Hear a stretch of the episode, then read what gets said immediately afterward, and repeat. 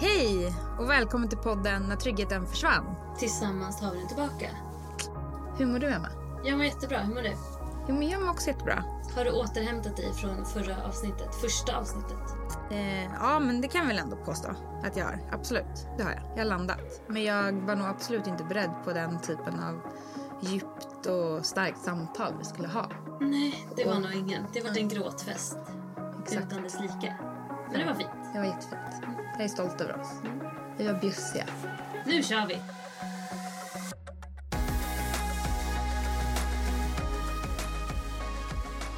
Hej! Välkommen till När tryggheten försvann. Tillsammans tar vi den tillbaka. I studion idag har vi ju en gäst. Det är Yes. inte vilken gäst som helst. Eh, vi har Pamodo här idag. Hej! Oj, Bobby. Ja, ja, Bobby. Ja, min hund är här också. Bobby. Vi får vi... Yes. Hur mår du Pamodo? Jag mår jättebra. Hur mår ni? Jag mår jättebra. Trevligt. Tack för att jag får vara här idag. Det är så otroligt kul att du är här. Jag tycker eh, faktiskt att det är lite extra kul. Jag tänker att jag ska berätta att du och jag känner varandra sedan innan. Yes. Eh, vi går lite way back, Yes. eh, vilket är jätte, jätteroligt. Eh, jag och Pamodo gick på samma högstadieskola. Yes. Eh, det är några år sedan. Och det är skitkul att du är här. Eh, för efter, eh, långt efter liksom, vi slutade högstadiet så har ju våra vägar korsats lite då och då. Mm. Och det är så fint, tycker jag. Och det är väldigt kul att, Yes. att eh, det fortsätter.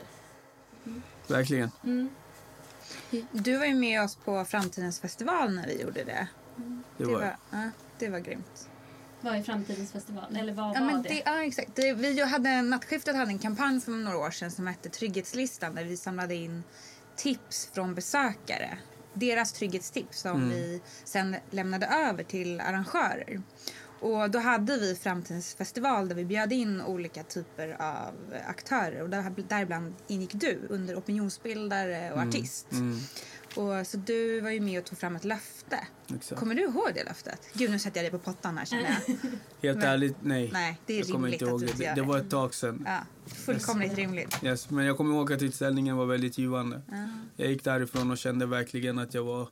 Jag skulle uppmärksamma massa saker som jag kanske bara tog för givet. Så det var bra. Det var jättebra tillfälle. Och nu kontakter också med nya, andra människor. Just det. Så att eh, det var en nice tillställning. Vad roligt som du Fett. liksom har fortsatt efter Verkligen, det. verkligen. Ja, vad häftigt. Verkligen. Gud vad kul. Så det är nice. Eh, jag tänker också så här, du gör ju så här sjukt mycket. Du har ju många strängar på din lyra, kan Ja. man säga. Alltså, jag vet inte, du gör ju typ allt. eh, Ja. jag ska se om jag kommer ihåg eh, på rak arm. Du har en organisation som heter Love by Force. Yes. Du jobbar med Vägen ut vid unga, Japp. alltså med ungdomar ute i förorten. Mhm. Du är med i Panetos Yes. och sprider fantastiskt mycket glädje. Thank Du sitter you. med i pappapanelen Tack. på Nyhetsmorgon. Det också. Eh, och sen så föreläser du Japp. ute på skolor och företag.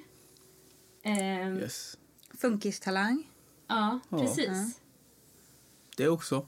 Och sen så bara så här typ dina sociala medier, att du är så här en... Eh, alltså... Smart, rolig. Jag vill härlig. säga influencer. Influencer, ja. Får jag göra det? Ja, jag, jag vet inte riktigt. jag försöker inte ta på mig den titeln. Men, men, eh, jag förstår vad du menar. Jag, ja, Eller? mest, Ja. mest opinionsbildare än, än, än influencer. Jag, Ja. jag försöker mest liksom bara få fram det jag tycker är viktigt. Och det som jag tycker, det som jag är mest kär i. Liksom, Mm. Oftast mina barn, min familj och allt positivt som är runt omkring Ja. mig. Man blir glad av dina sociala medier. Jag var Thank inne och scrollade lite idag Thank you. och var så här, refreshade mig. Men jag blev, jag blev glad. Av att vara Vad inne där. roligt. Det är inte alltid så glatt. Vissa saker är Nej. jättetråkiga men jag försöker bara spegla min verklighet så Mm. äkta som möjligt. Men det Ja. tror jag, det, det lyser igenom. Mm. Det kände man. Och då, då blir det liksom personligt och då blir man glad. Ja, tack. Ja. Har jag missat något? Nej, Visst fick jag med typ allt? du fick med typ allt. Ja. Det finns ju en massa andra saker liksom som jag gör som också ligger i. Liksom, och kanske i anslutning till vägen nu så jobbar jag för Studieförbundet Vuxenskolan också. Ja. Och eh, i anslutning till Love by Force så gör jag en eh, stor festival i Gambia som jag jobbar med typ året runt. Just. Försöker samla på mig liksom både stöd och i samarbetspartners så det blir och det är för att skapa awareness Ja. kring personer med funktionsnedsättning i Afrika, Gambia Mm. speciellt. Så det gör jag också.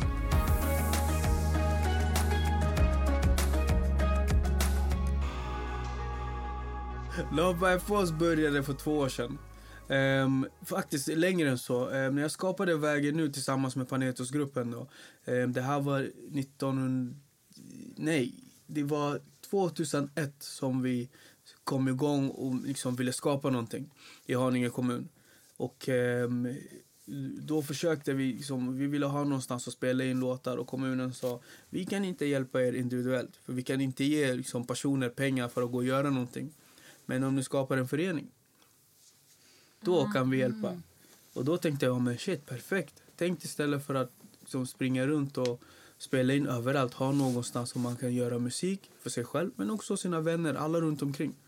Och det var då vägen ut föddes och tanken och vi började jobba.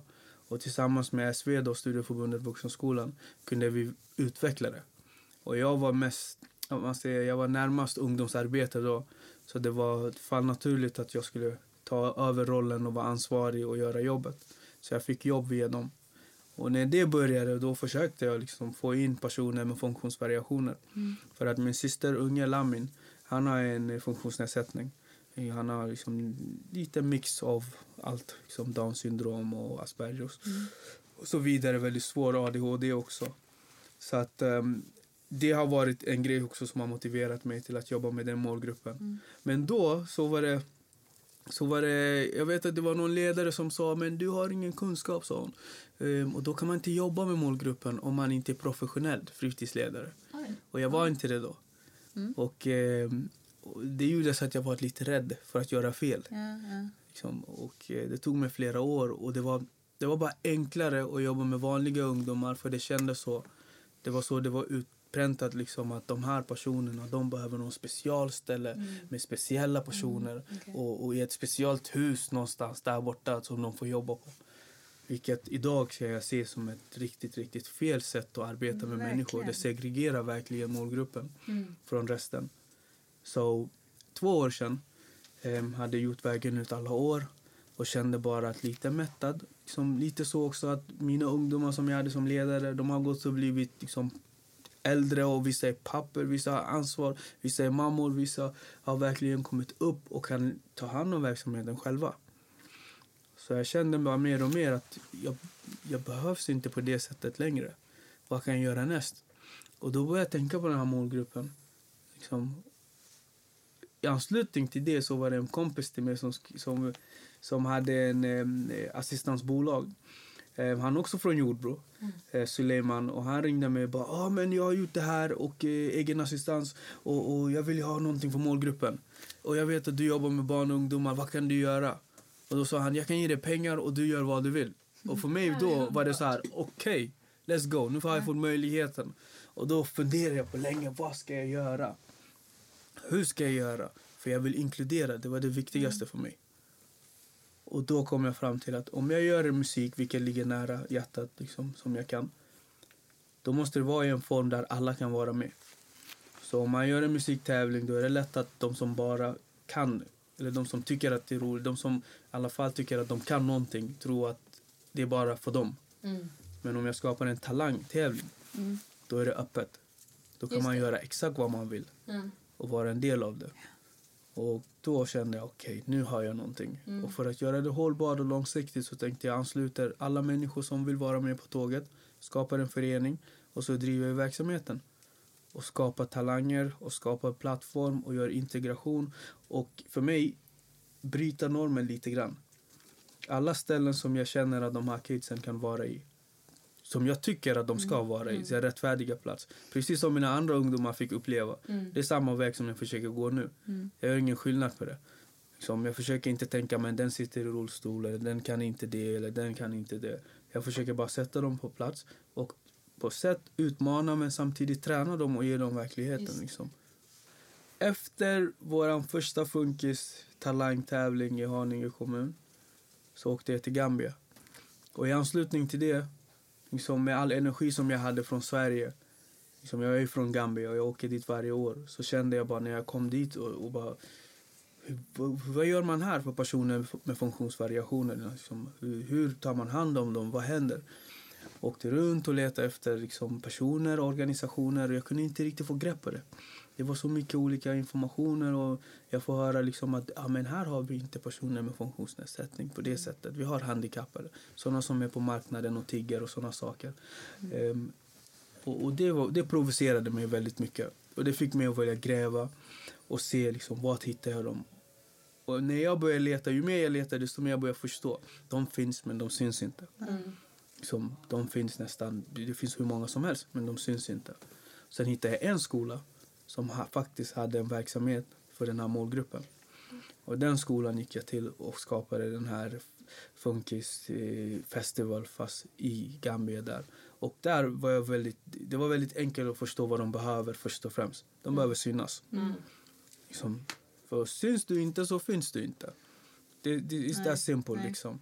Så att um, där, där gjorde jag andra året nu, i år i anslutning 1920 så var jag där och skapade en fet festival. Första gången var det lite mindre, andra gången lite större. Så jag, jag vill verkligen det ska vara en nationellt grej.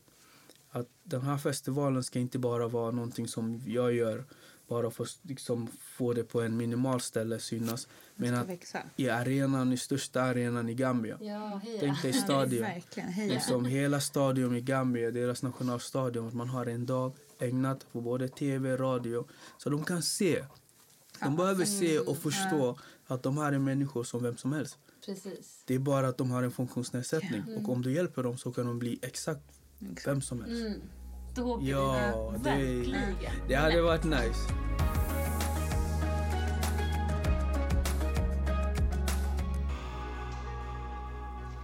Ska vi ställa lite frågor, Emma? Ja, det kan vi göra. Eh, Okej. Vad är trygghet för dig? Trygghet för mig. Um, jag tänkte på det väldigt mycket. Trygghet för mig har ju, har ju varit, eh, ska man säga, eh, anknutet till min bakgrund väldigt mycket. Um, föddes i Gambia. Kom till Sverige 96. Liksom, redan som liten pojke så, så förlorade jag min mamma. Hon var, jag var fyra, fem år när hon gick bort. Det var ganska mycket av trygghet försvann liksom, i anslutning till det. Så att, eh, det var den personliga tryggheten som jag tyckte var liksom, svår att greppa riktigt. Vart är man trygg för? Alla som jag hade nära som var min närmaste antingen gick bort eller var sjuk och så farsan var borta och ute i världen försökte skapa levebröd. Så det var ganska mycket klara sig själv och trygghet var någonting som man inte skulle reflektera eller så mycket på. Man skulle bara vara stark för man hade inte råd med att vara svag, Nej. beroende. Tvungen att hitta medel. Det är även där min, min sociala förmåga kom till också. Jag var tvungen att som väldigt liten väldigt snabbt lära mig att kommunicera med folk. Prata, ta mig igenom grejer Just. genom marknader. Liksom att tillfredsställa folks behov på sätt att jag var tvungen att vara den snällaste och trevligaste och, och, och lära mig att koderna, jag var tvungen att vara, kommunicera proffsigt. Så min trygghet var kopplad till min kommunikationsförmåga väldigt mycket. Ah, intressant. Ja, och, och, och, och som jag sa, min bakgrund också för att man kommer från ett samhälle som var väldigt socialt på många sätt. Så att alla fick ta en del av jobbet för att uppfostra en. Mm. Men samtidigt inombords så tror jag att jag hade ganska mycket otrygghetskänsla. Mm. Så att det var det på, för mig på personligt Mm. nivå. Kan inte du berätta lite hur du, hur du tänker när du säger så? Att trygghet för dig var kommunikation. Jag, jag, jag kopplar, om man hör ordet trygghet då kanske man tänker automatiskt på att om jag känner mig trygg bland människor. Känner jag mig trygg ute på gatan? Är jag trygg på, på kvällen? Är jag trygg med att liksom, folk kommer bete sig som de ska göra och så vidare? Men eh, när jag tänker på Alltså hur trygghet var, var för mig på ett personligt nivå. Det var ju saker som jag saknade som gjorde att jag var otrygg. Jag, var, jag kände mig aldrig otrygg. Alltså, exempel, jag, var, jag har aldrig känt mig rädd över att bli överfallen på gatan bara för att jag gick. Liksom, och, och, och de enda ställen som, gångerna som jag kände mig riktigt otrygg, som utanför den här personligen, det, det är kanske eh, när man har varit någonstans, när man är främmande någonstans. Ja. Liksom, När man inte känner till. när jag inte känner till, när jag inte kommunicerar, när jag inte får fram kommunikationen. Just det. Liksom för varje gång jag har kommunicerat med människan eller personen eller förstått vad det här eh, tillfället och platsen liksom avger, har för känsla, då är det lätt att bocka av att okej, du är lugn. Ja. Här är du lugn. Liksom, det, var, det var samma sak för mig för Sverige. När jag kom och inte hade kommit in i samhället då var det mycket otrygghet, det var mycket tankar, det var mycket liksom, känslor som, som gick igenom Men så fort man kom igång och började prata och samtala och fattade att okay, men de där ska man inte hänga med. De där får man, borde man låta bli prata med. De där vill inte ha med en att göra. Mm. Det var väldigt lätt att forma sig då. Mm. Och då håller man sig till det som känns trygg. Ja. Jag tänker att så här, vi har ju pratat jättemycket om trygghet och eh, alla upplever trygghet på lite olika sätt. Men Mm. det som ändå är något gemensamt är ju att det bekanta, det man känner till, det är Mm. trygghet Mm. i grund och botten på något vis. Mm. Och då, om jag förstår det rätt då, är det att det är genom kommunikationen som du hamnar till det bekanta liksom. Ehm, Ja, det är ett av verktygen. det, ja men precis. Mm. Och det är när du säger det så känns det så här, ja såklart. Såklart. Mm. Känns jätte, Eh. Jätterätt. Liksom. Ja. Mm. Mm. Mycket intressant. Roligt med en ny Ja, vinkel väldigt. på det. Vad, vad har du för känslor? Vad, liksom, vad har du för känslor du relaterar till trygghet då? Liksom, vad har du för känsla i kroppen då när det känns... När det känns tryggt. Mm. Avslappnad kan jag säga. Alltså om, om om jag känner mig trygg någonstans eller med någon, då är man bekväm. Mm. Då är man ganska hemma. Som, då, då, kan man, då kan man vara sig själv oftast. Mm. Som otrygghet det skapar ju den här eh, missförståndet oftast och, och den här, den, här, eh, den här rädslan att göra fel.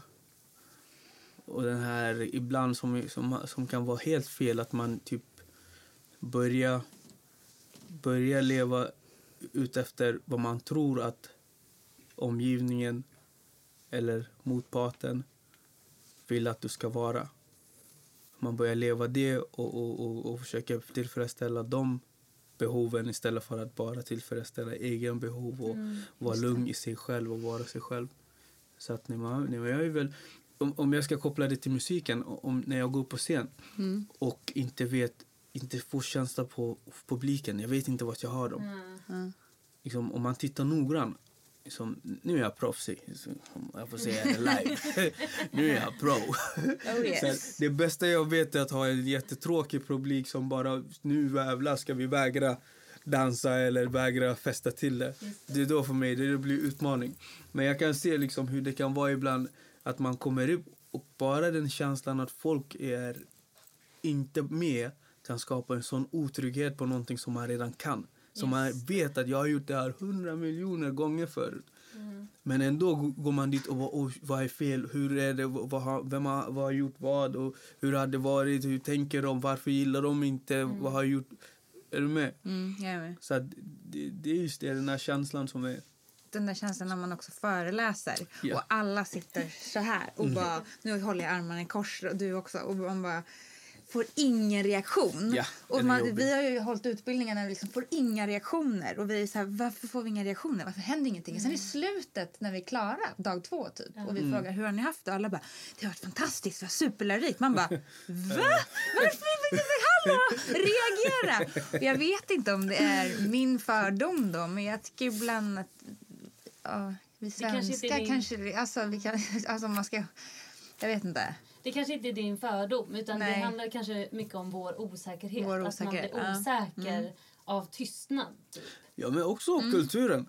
Vad gör man? Ja. Hur brukar man göra? Ja. Jag tycker Alltså, att det, den, den ja. som föreläser har oftast, det- jag tror att det är oskriven regel att när någon föreläser så ska man sitta och lyssna. Ja, jo, Knäpptyst, sant. fokuserad och inte göra ett ljud. Det är traditionellt i Sverige. Det kan jag nästan svära på att det är så där. Ehm, och så har man såna föreläsningar som jag gör, vilket är långt ifrån det här. Det ska hända saker, det ska vara kaos, men då handlar det om också att jag, jag, jag formar den världen och skapar den liksom, stämningen. För jag själv är sån. Liksom, så att ehm, testa förändra hur ni föreläser. Då kommer ni se action. Ja, ja, ja. Ja, ja, Jag är ja. tråkig. Det är- Oh my Ja, men, kom in med samma kläder. Och samma musik i bakgrunden. Och så dansar ni första, första delen och se vad som händer. Vi har ju så här försökt med I'm just saying. Det lovar jag, ingen kommer sitta stilla och så här. Alla kommer leenden och det kanske blir applåderingar och det kan hända saker.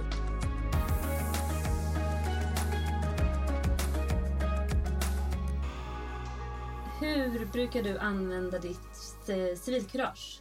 Eller har du typ något exempel på när du har använt ditt civilkurage? Alltså, det finns flera sätt att gå. Ett sätt för mig är att försöka göra, leva som jag lär, så gott jag kan. Mm. Jag är långt ifrån perfekt, jag gör massa dumheter. Det kan ni skriva under. Fråga min tjej om ni, om, ni, om ni inte tror mig. Men jag försöker i alla fall leva så vanligt som möjligt så allting blir inte tillgjort. Ja. Att man inte gör saker bara för att det är trendigt. Och där tycker jag civilkurage har hamnat i det facket tyvärr. Mm. Att man använder det som att det är någonting man ska göra och alla andra ska se. Civilkurage för mig det är någonting som du gör dagligen och inte syns. Ja. Men den som du gör det för, eller de som du gör det för, förstår det och känner det. Hur får vi andra att förstå civilkurage som du? Så att det blir mer långsiktigt. Ge- Genom, genom att vi, vi själva lever civilkurage som det, på sätt som det borde göra. Det ni gör till exempel, det är civilkurage. Liksom, jag har sett många människor som jobbar bakom kulisserna, som gör massa civilkurage dagligen. Alltså, basically, allt det, det är deras jobb, även om de får betalt för det. Det landar ju på civilkurage där de gör förändringar, samhällsförändringar och hjälper till. Mm. Liksom, jag tycker att det blir en annan effekt utav med sociala medier och allt det som har varit de senaste åren. Civilkurage blir en helt annan grej Mm. än vad det egentligen borde vara. Så jag förstår. Det naturliga till exempel borde vara att det är självklart att personer med funktionsvariationer är med. Precis. Det är självklart att jag har en vän som, är, som, som kanske har funktionsnedsättning. Som jag umgås med på dagarna och gör saker som jag gör med mina andra kompisar. Till och med tillsammans med andra kompisar. Liksom, jag- jag, kom, jag kom till underfund till exempel med när jag började jobba med det här med, med att jag har inga kompis som, som har den typen av funktionsnedsättningen. Ingen som jag kan kalla för kompis. Kan man ha det? Ja. Mm. Och varför inte? ja, verkligen. Jag tyckte det där var jätteintressant. Mm. Ehm, tycker jag verkligen. Och det här liksom, precis hur du förklarade hur du använder ditt civilkurage och hur du ser på det. Att du liksom, det, det är någonting som sitter där. Liksom. Att Yeah. det ska sitta i magsäcken och man ska Yeah. liksom alltid agera på det. Att det är där. Ah, Gud, man vill ju verkligen att alla ska göra så. Och att det ska vara det mest naturligaste som finns. Men typ så här skaka om folk och väcka dem. Ja, alltså trenden är ty- tyvärr... Alltså, eh, Klick, så- klick, klick, klick. Man vill Ja, ha klick och likes. Och, och så här, jag går på demonstrationen, ja. Och när jag kommer hem, det är slut. Ja. Tillbaka till den gamla Är eh, Ja, och det behöver inte vara så kämpigt. Nej. Det är bara att Det lilla. Och, jag och du kommer överens och vi pratar om det. Och du kommer in i bilden, vi förklarar och du kommer överens om en självklart moder. Vi ska hjälpa personer Mm. med funktionsvariationer att komma in i samhället mer. Och så pratar du med den och så säger de men shit jag har inte tänkt på det på det sättet. Nu är den igång igen, kan jag komma? Kan jag vara med Mm. nästa gång? Och så säger du till din kompis och sen säger det till sin kompis. Helt plötsligt Love by Force som var av en person blev 40-50 personer, 70 personer, 80, 100, 50, 1000. Och vi är där. Och det, liksom, det blir som en helt naturligt arbete som vi tillsammans skapar. Nej, civilkurage i all ära, men det måste göras på rätt sätt tycker jag. Och sen finns det en annan civilkurage som vi pratar om som är den här fysiska plattformen, någonting händer och du måste rycka in istället Mm. för att se det andra hållet. Det är för mig en annan sak också som, som man diskuterar. Det är action. Mm. Det är den här fysisk civilkurage på plats. Mm. När du ser någonting fel. Oavsett om du vill ha Instagram-likes eller inte. Du måste rycka in för dina medmänniskor. Mm. Det är vad det handlar om, point blank. Det handlar om att finnas där för sina medmänniskor. Att orka bry sig. Ska vi gå vidare till trygghetskultur? Det tycker jag. Vi, trygghetskultur är ju någonting vi pratar väldigt mycket om på nattskiftet till exempel. Så här, hur kan vi skapa mer trygghetskultur i det lilla och i det stora och Mm. liksom så. Men, eh, så det är någonting vi verkligen jobbar mot. Och, men hur tänker du? Hur, hur sprider vi trygghetskultur på bästa sätt, tänker du? Egentligen så, så skulle ni behöva bli statsminister. Som ministrar, båda två. Och så, och så och hela organisationen får bestämma lite grann. Och så kan vi börja med från början, från grunden. Först och främst så måste gå tillbaka till den tiden då jag inte var i Sverige, som jag får höra mycket om. Att förr i tiden, då umgicks man med varandra. Man pratade med sina grannar och man hade liksom det här sociala. Liksom, det. var lite mer socialt än vad moderna Sverige har blivit. Mm. För att, för att skapa trygghet, om man ska gå i grunden, som jag sa, kommunikation. Mm. Kommunikation, ja, men, jättesvårt att vara trygg om jag kommer någonstans. Det här pratar jag om i mina föreläsningar också. Du och jag står på samma plats, men vi säger ingenting till varandra. Nej. Vi bara tittar på varandra. Åh, läskigt. Mm. Bara, Ja, bara tittar. För det, det är exakt det vi gör dagligen nästan. Det, det, det finns kulturer och grejer som man måste ta tillbaka. Och jag pratar också om det på mina föreläsningar, att, eh, att, att hälsa på folk. Den här hejet. Mm. Det skapar så mycket positiva saker. Om man bara tänker på det. Du är främling, jag är främling, vi möts någonstans. Av någon anledning så står vi bredvid varandra och vi säger ingenting. Hjärnan går. För tänk scenario, du träffar mig på en bostadsplats. Klockan 12 på en natt. Kanske varit hos din kompis. Jag kommer med mina dreads, kanske mörkklädd. Helt och hållet. Lite dak, lite mörk ställare gränd. Och det är busshållplats, vi bara står där. Och jag kommer ut och ställer mig. Jag säger ingenting, du säger ingenting. Jag kan nästan svära på 100% att om det inte din hjärna går okej. Okay, ensam, mörkhyad man, den här gränden, klockan 12. Han står där och han säger inget, jag säger... Det skapar ju inte trygghet. Nej. det skapar ju otrygghet. Yes, hur bryter man det? Mm. Hej. Hej. Tja, Tja. hur är läget? Ja. Enkelt. Det är, det Det är enkelt. Åh. Och, vi, och det blev ju... Ja. Åh, vi ska typ säga samma sak nu också, tror jag. Säg det, Lisa. Men jag blir så liksom, glad över den saken du säger. För att Det är verkligen någonting vi tar upp på utbildningarna till våra nattkompisar. Att liksom, det lilla hejet. Att så här, säga hej till varandra. Yes. Och att liksom, om man säger en början av en eh, kväll eller en festival där vi är ute och vandrar och vi går ju runt och bara säger hej, läget? Ha en bra kväll, tjena, ciao, Ja. tjo, tjim. För då senare på kvällen eller natten när någon kanske är lite, behöver vårt hjälp, då har vi liksom öppnat upp den Mm. Yes. liksom, dörren lite på glänt. Exakt. Så då blir det lättare för en att... Så att jag, jag förstår precis vad du menar och bara så här, tycker att det är klockrent. Det är jag så ska- skapar det. Det är så vi öppnar upp för kulturen. Det är så vi bygger upp det. Det är så, det är så vi faktiskt lär nästa generation också.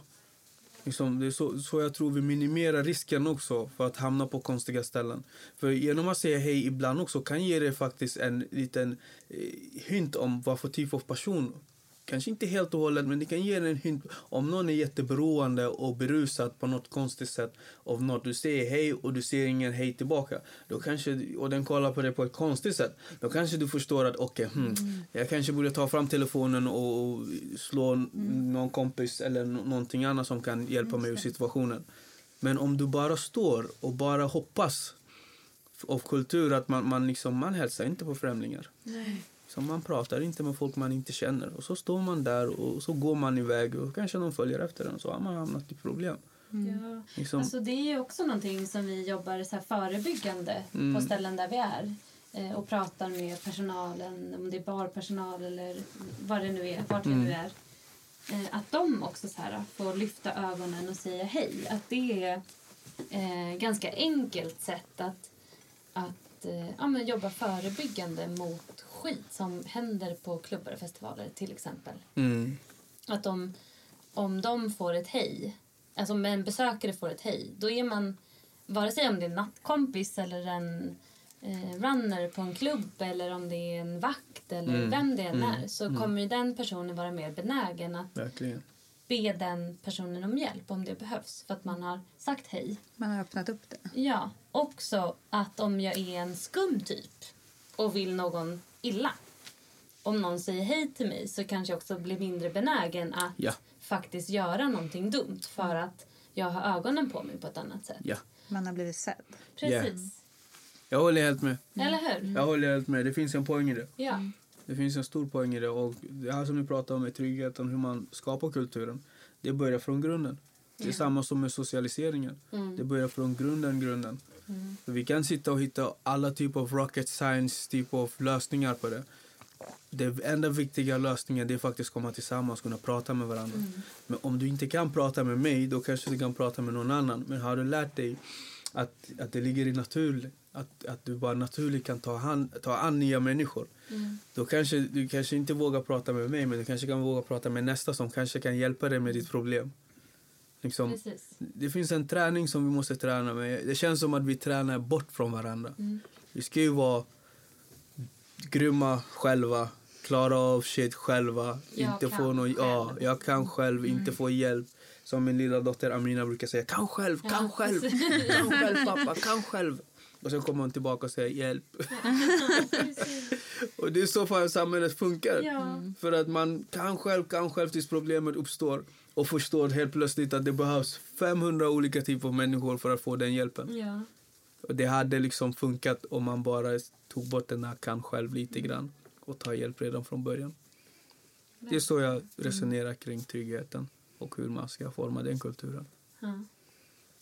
Vad Oj. härligt att vi egentligen till syvende och sist typ tänker likadant. Mm. Vad fint. Ja.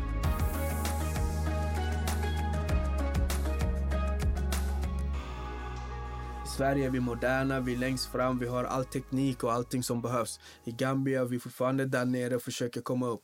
Och det finns en skärm i fattigdom och allt annat. Det innebär att människor måste vara sociala gentemot varandra. De, de måste hjälpa varandra, de måste prata med varandra, de måste kommunicera. Du kan hitta en person och den kan fem, sex, sju, åtta olika eh, språk, hemspråk som är av olika språk, förutom engelskan. Då. Den kan wolof, mandinka, jola, fula, bambara, tukulor. Alltså det finns så många olika stamspråk. Så att en person kan de olika språken, kommunicera med allt och alla. Så det är väldigt vanligt att man springer runt och pratar och hejar. Alltså, det är en helt annan grej. Och det tror jag har med det sociala, liksom, eh, det sociala traditionen, men också hur, hur utvecklingen går. Man är fortfarande i behov av varandra. Medan i Sverige, här behöver man inte.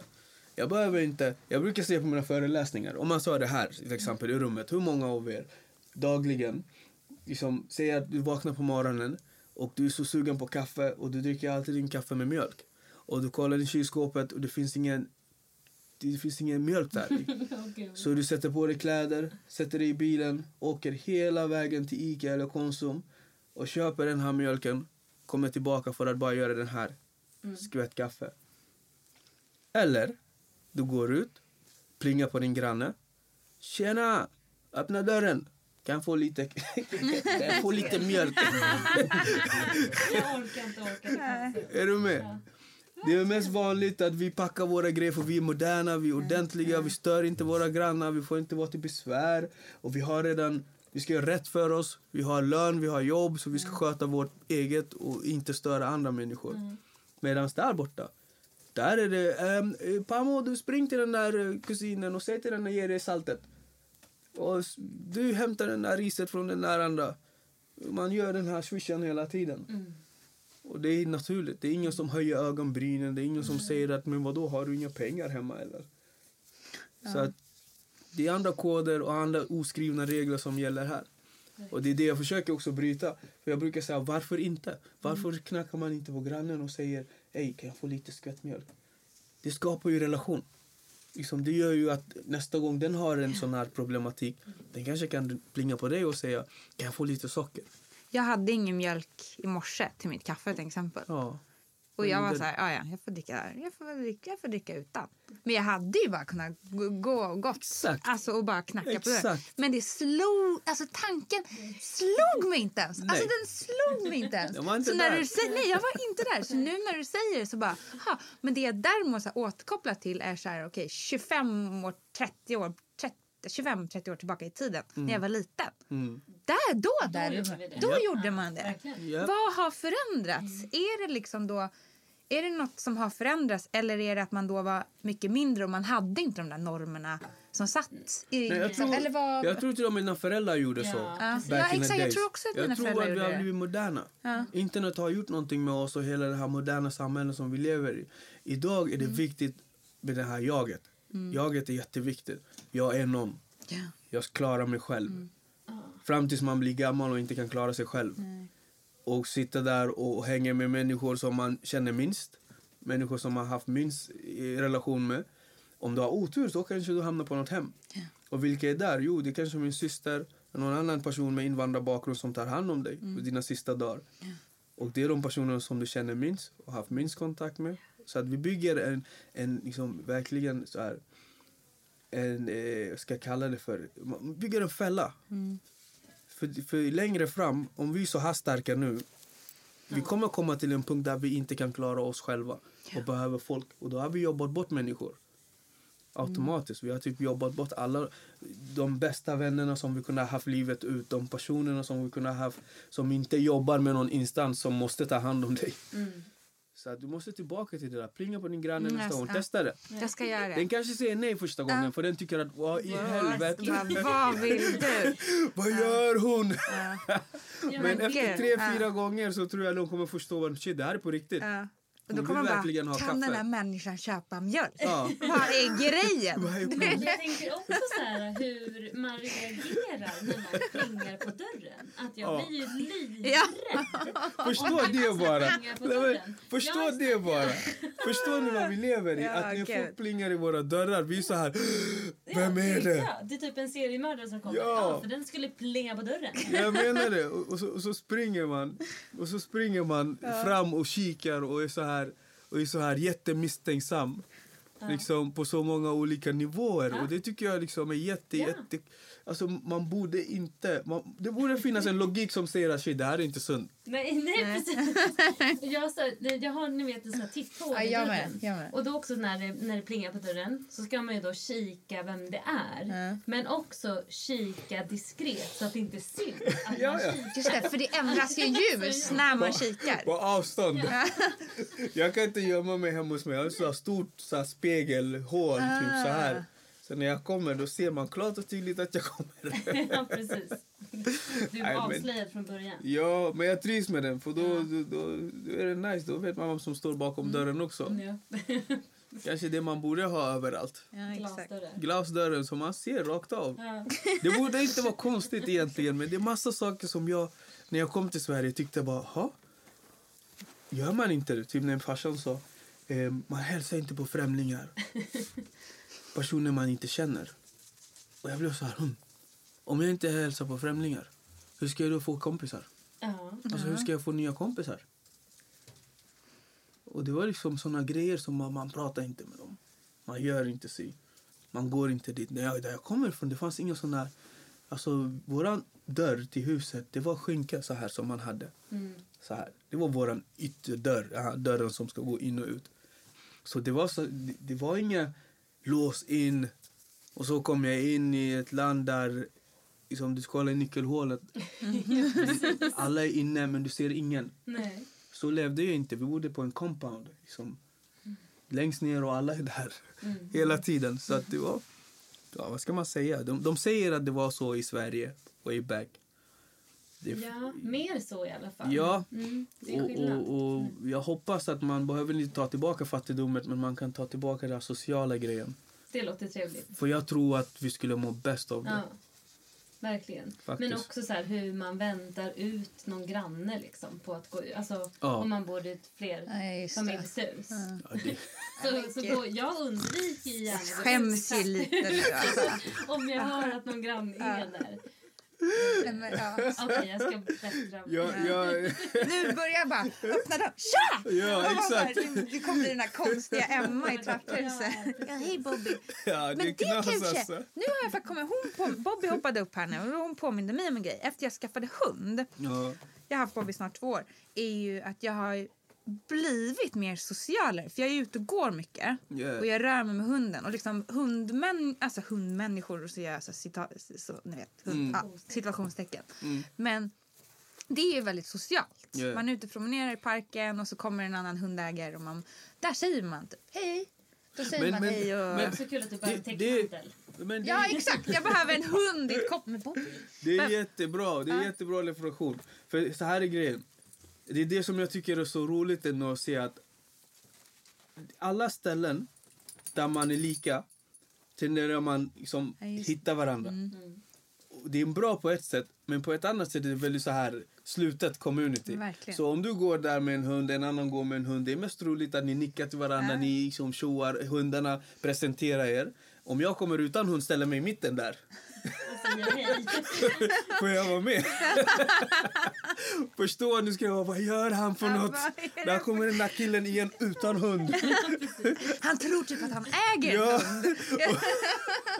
Och- Nej, En men det- låtsashund. ja, jag tror att vi, vi, vi, behöver, vi ska bara träna på att inte behöva massa hjälpmedel och träna på att an- använda oss själva som verktyg. Oss själva, våra egna tankar, värderingar. Och det gör ju också att man lär sig väldigt mycket. Ja. Man öppnar upp för nya människor, nya ansikten, ny, ny kultur, ny sätt att tänka, ny sätt att prata. Liksom, det, är, det bästa jag har fått i orten det är just det, mångfald. Mångfald. Liksom jordbruk, det är det bästa jag har fått för jag har fått se så många människor med så många olikheter och maträtter, alltså kulturer. Det, det var så mycket mer än bara leva där så att ehm, man vinner på det.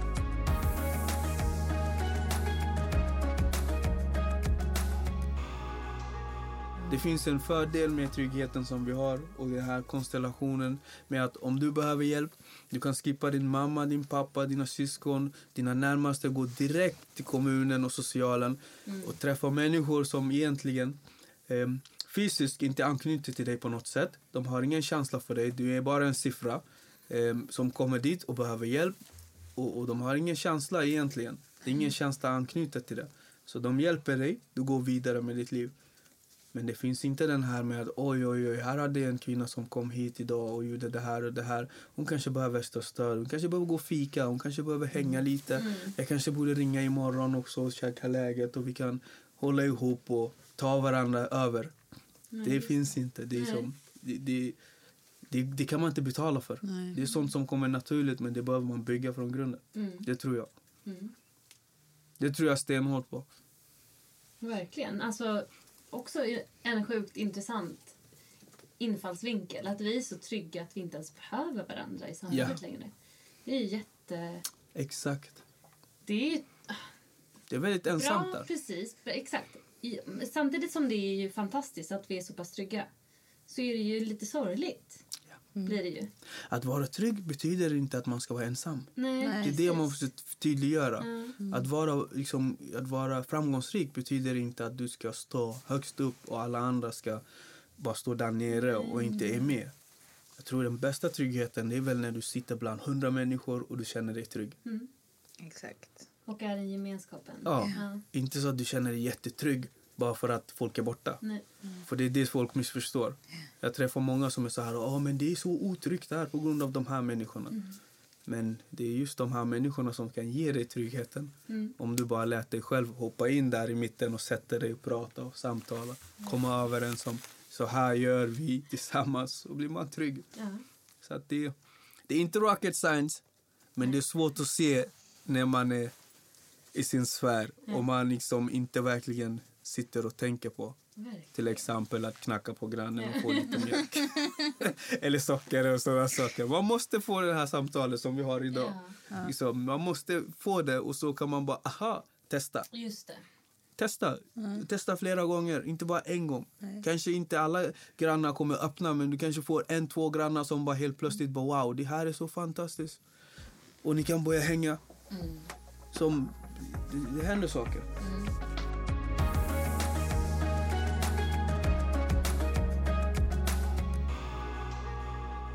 En till fråga va? Ja. Och sen- absolut. Ja. Kan du berätta om något tillfälle när tryggheten försvann för dig? Jag sa det i början, när min mamma dog så försvann ganska mycket. Och på det så gick min farmor bort. Och ehm, ja. De två, jag tror min farmor mest. Den kände jag mest. För när hon försvann då var jag ändå väldigt gammal. Och ehm, där kände jag verkligen att det saknades någonting. Mm. Och det blev tydligt också. Liksom, hon hade hand om mig typ till 100 procent och såg till att folk tog hand om mig när hon inte kunde. Mm. Så att ehm, det var tydligt. Mm. Om man ser i, i modern tid i Sverige. I början när jag kom till Sverige var det väl inte, ska jag kalla det för otryggt? Ja, man kan kalla det otryggt för att jag bemöttes av någonting som jag inte kände igen, som jag inte förstod riktigt. Och det var den här känslan med att först och främst jag stack ut, jag var mörk. Och sen fick jag påtalad och hela tiden påpekat att jag var mörk. Mm. Att jag var från någon annanstans. Jag var inte med. Jag tillhör inte. Mm. Det, känd, det fick mig verkligen kämpa. Och liksom, jo, jag vill också. Jag vill, jag vill också vara med. Och det gjorde att jag gick runt och hela tiden kände att okej, kan jag vara mig själv här? Kan jag inte? Vad tycker de? Vad tänker de? Så jag var tvungen att lära mig faktiskt att jobba bort den där känslan och bara, det får bli vad det blir. Mm. Det här är vad ni får. Mm. Det kände jag länge och ibland kan den känslan att kicka in också hos mig. När man är på vissa ställen och när det händer situationer då kan man känna liksom shit, hur ska jag vara nu? Finns det några andra förväntningar? Måste jag liksom över, över, över göra rätt? Alltså det. prestera Mm. för att kunna vara en del utav sammanhanget.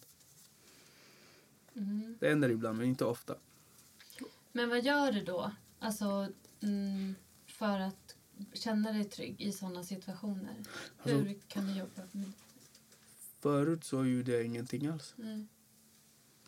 Det resulterade till bara att jag släpper allting. Ja. som tar mig inte in i diskussionen eller tar mig inte till ställen och försöker dra mig ut. Mm. Det var enklast. Mm. Eller sen när jag väl blev medveten om det och kände att, vet du vad? Jag är inte den personen som backar. Nej. Jag blev tvärtom. Över allt Mm. och gjorde alla misstag. Och det istället fick vara, ah men shit, det är Modo. Mm. när jag gick i, när jag gick i gymnasiet så hade jag en vän som... Vän, jag kan inte kalla honom för vän. Jo, man kan säga vän. Det är en klasskompis i alla fall som, eh, som var uttalat nazist. Han var liksom, hatade svarta och så vidare och så vidare. Och vi började i samma klass, ettan, och han var liksom riktigt så här si heil och hängde med sina vänner på plattan och hela den där biten. Och jag kände i början så här, uff, här, problem. Men jag, jag var, som jag sa, när jag fick lära mig att shit, det spelar ingen roll vad jag gör. Jag kommer ändå bli dömd som svart kille som kommer in för min färg. Jag kan inte, jag kan inte gömma mig. Mm. Så jag bara sket i det och så kör jag all in. Jag var jättetrevlig mot honom. Vi hängde, drev och han drog massa såna sjuka skämt som, som brann. Det gjorde mig riktigt arg men jag kunde inte göra. Han drog ett skämt, jag ska dra den för er. Han sa till mig, varför är det bara två handtag på en eh, eh, död, död svartmans, död negers kista?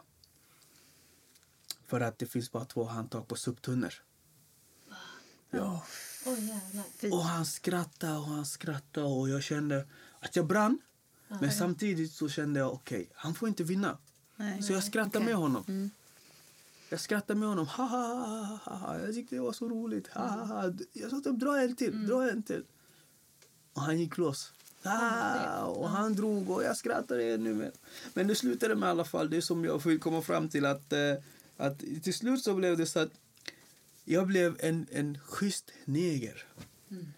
Så att i sammanhanget då kunde han säga till sina vänner, träffa dem i plattan, alltså alla de där med sina grabbar. Och så sa nej, nej, nej, inte han grabbar. Han är schysst. Det är min polare. Mm.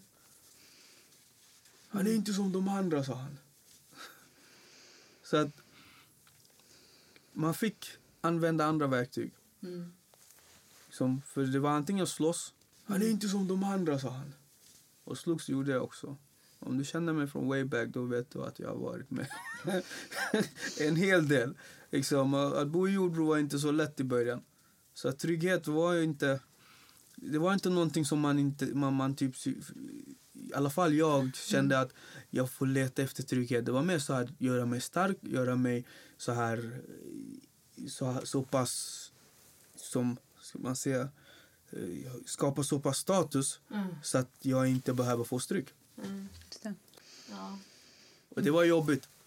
Jag var tvungen att svälja det länge och Ja. jag hoppades att genom att jag var annorlunda, jag skulle vända honom på något sätt. Få honom att förstå att liksom, det han tycker och tror om svarta är inte så. Nej, men precis.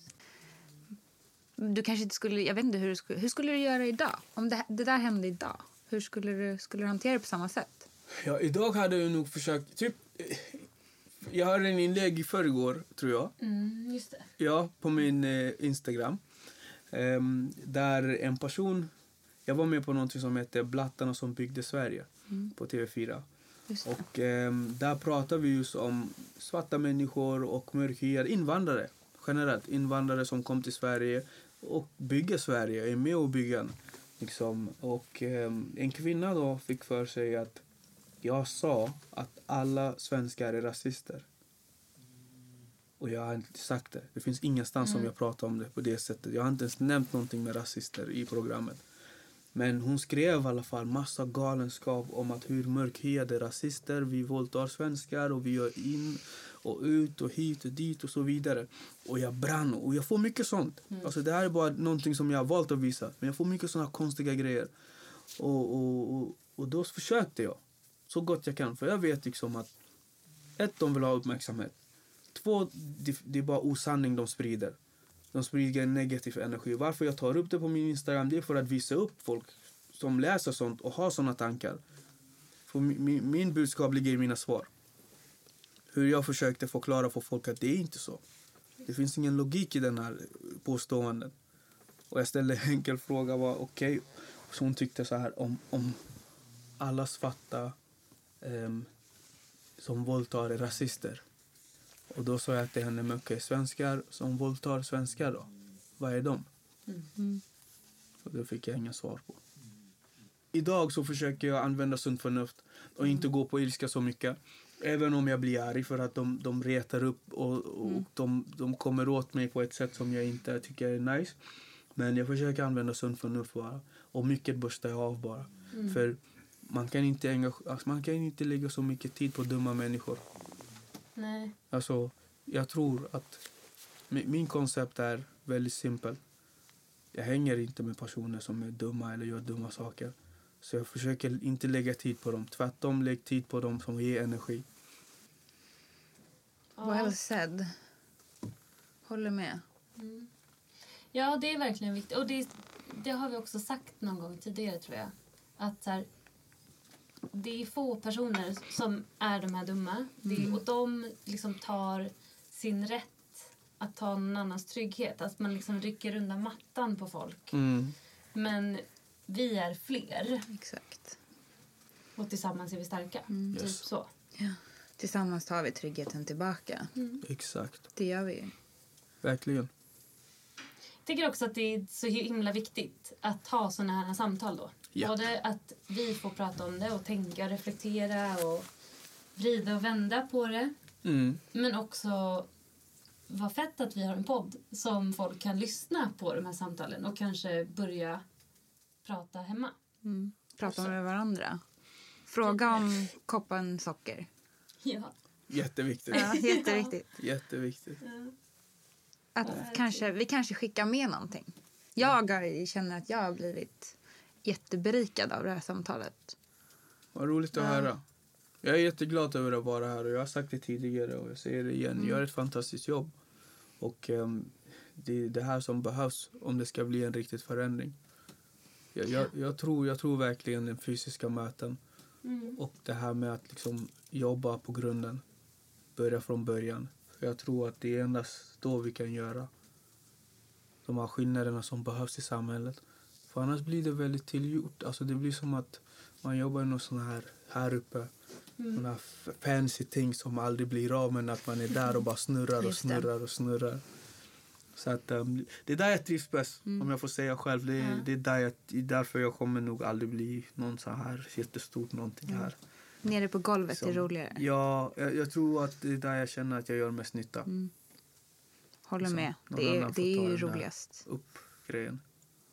Förutom när jag står på arenan och hälsar alla välkomna. Då Ja. får jag vara på toppen. Ja. men även då så är jag med dem. Ja men precis, Ja. det är det ju också. Även då så är jag med dem. Det är hur man gör det. Liksom. Det finns artister som inte ens pratar med människor Ja, men står inför ja. massa miljoner och sjunger. Mm. Men de snackar inte med vanligt folk. Du måste snacka med deras manager. Manager. Jag älskar det. Men jag tänker att vi kan ha lite enkla medskick från det här. Yeah. Ja. Typ, säg hej. Yes, jätteviktigt. Eller hur? Jätteviktigt. Så här, om du har varit på min föreläsning då vet du att hela grejen handlar om den här grunden. Säg hej. Säg hej till någon som du inte har sagt hej till tidigare. Ja. Säg hej till någon som du faktiskt är nyfiken på. Säg hej till personen som kanske står där bara tittar, inte vågar, men den tittar. Säg hej till din granne för du bor bredvid den. Ja. Är du med? Mm. Säg hej till personen som jobbar med dig på något vänster, liksom, på ditt jobb. Även om du ogillar den. Säg hej. Träna på det. Om du tränar på det och verkligen gör det så det blir en naturlig grej. Till slut blir det inte en grej. Och så går du där på centrum och så kommer din vän säga Känner du alla de här människorna? Nej, det gör jag inte. Men vi hälsar till varandra. Det är något fint med det. ja, verkligen. Du kommer aldrig känna dig ensam någonstans. Nej. Det är fint. Det är medskicken som jag har att säga till alla som lyssnar på det här. Du kommer aldrig känna dig någonstans, ensam någonstans om du bara lär in det här sättet att leva. Även om du är jätteblyg och inte så socialt av dig. Träna in det här sättet att bara le och säga hej och gå vidare. Mm. Ibland får du hej tillbaka, ibland får du inte det. Fint. Jättefint. Vilket fint avslut. Jättefint avslut. För att jag får vara här. Tack för Tack att... för att du Ni är grymma. Tack verkligen.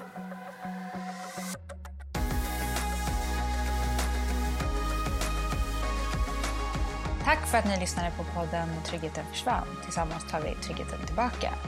Glöm inte att gå in där poddar finns och prenumerera så ni inte missar nästa avsnitt.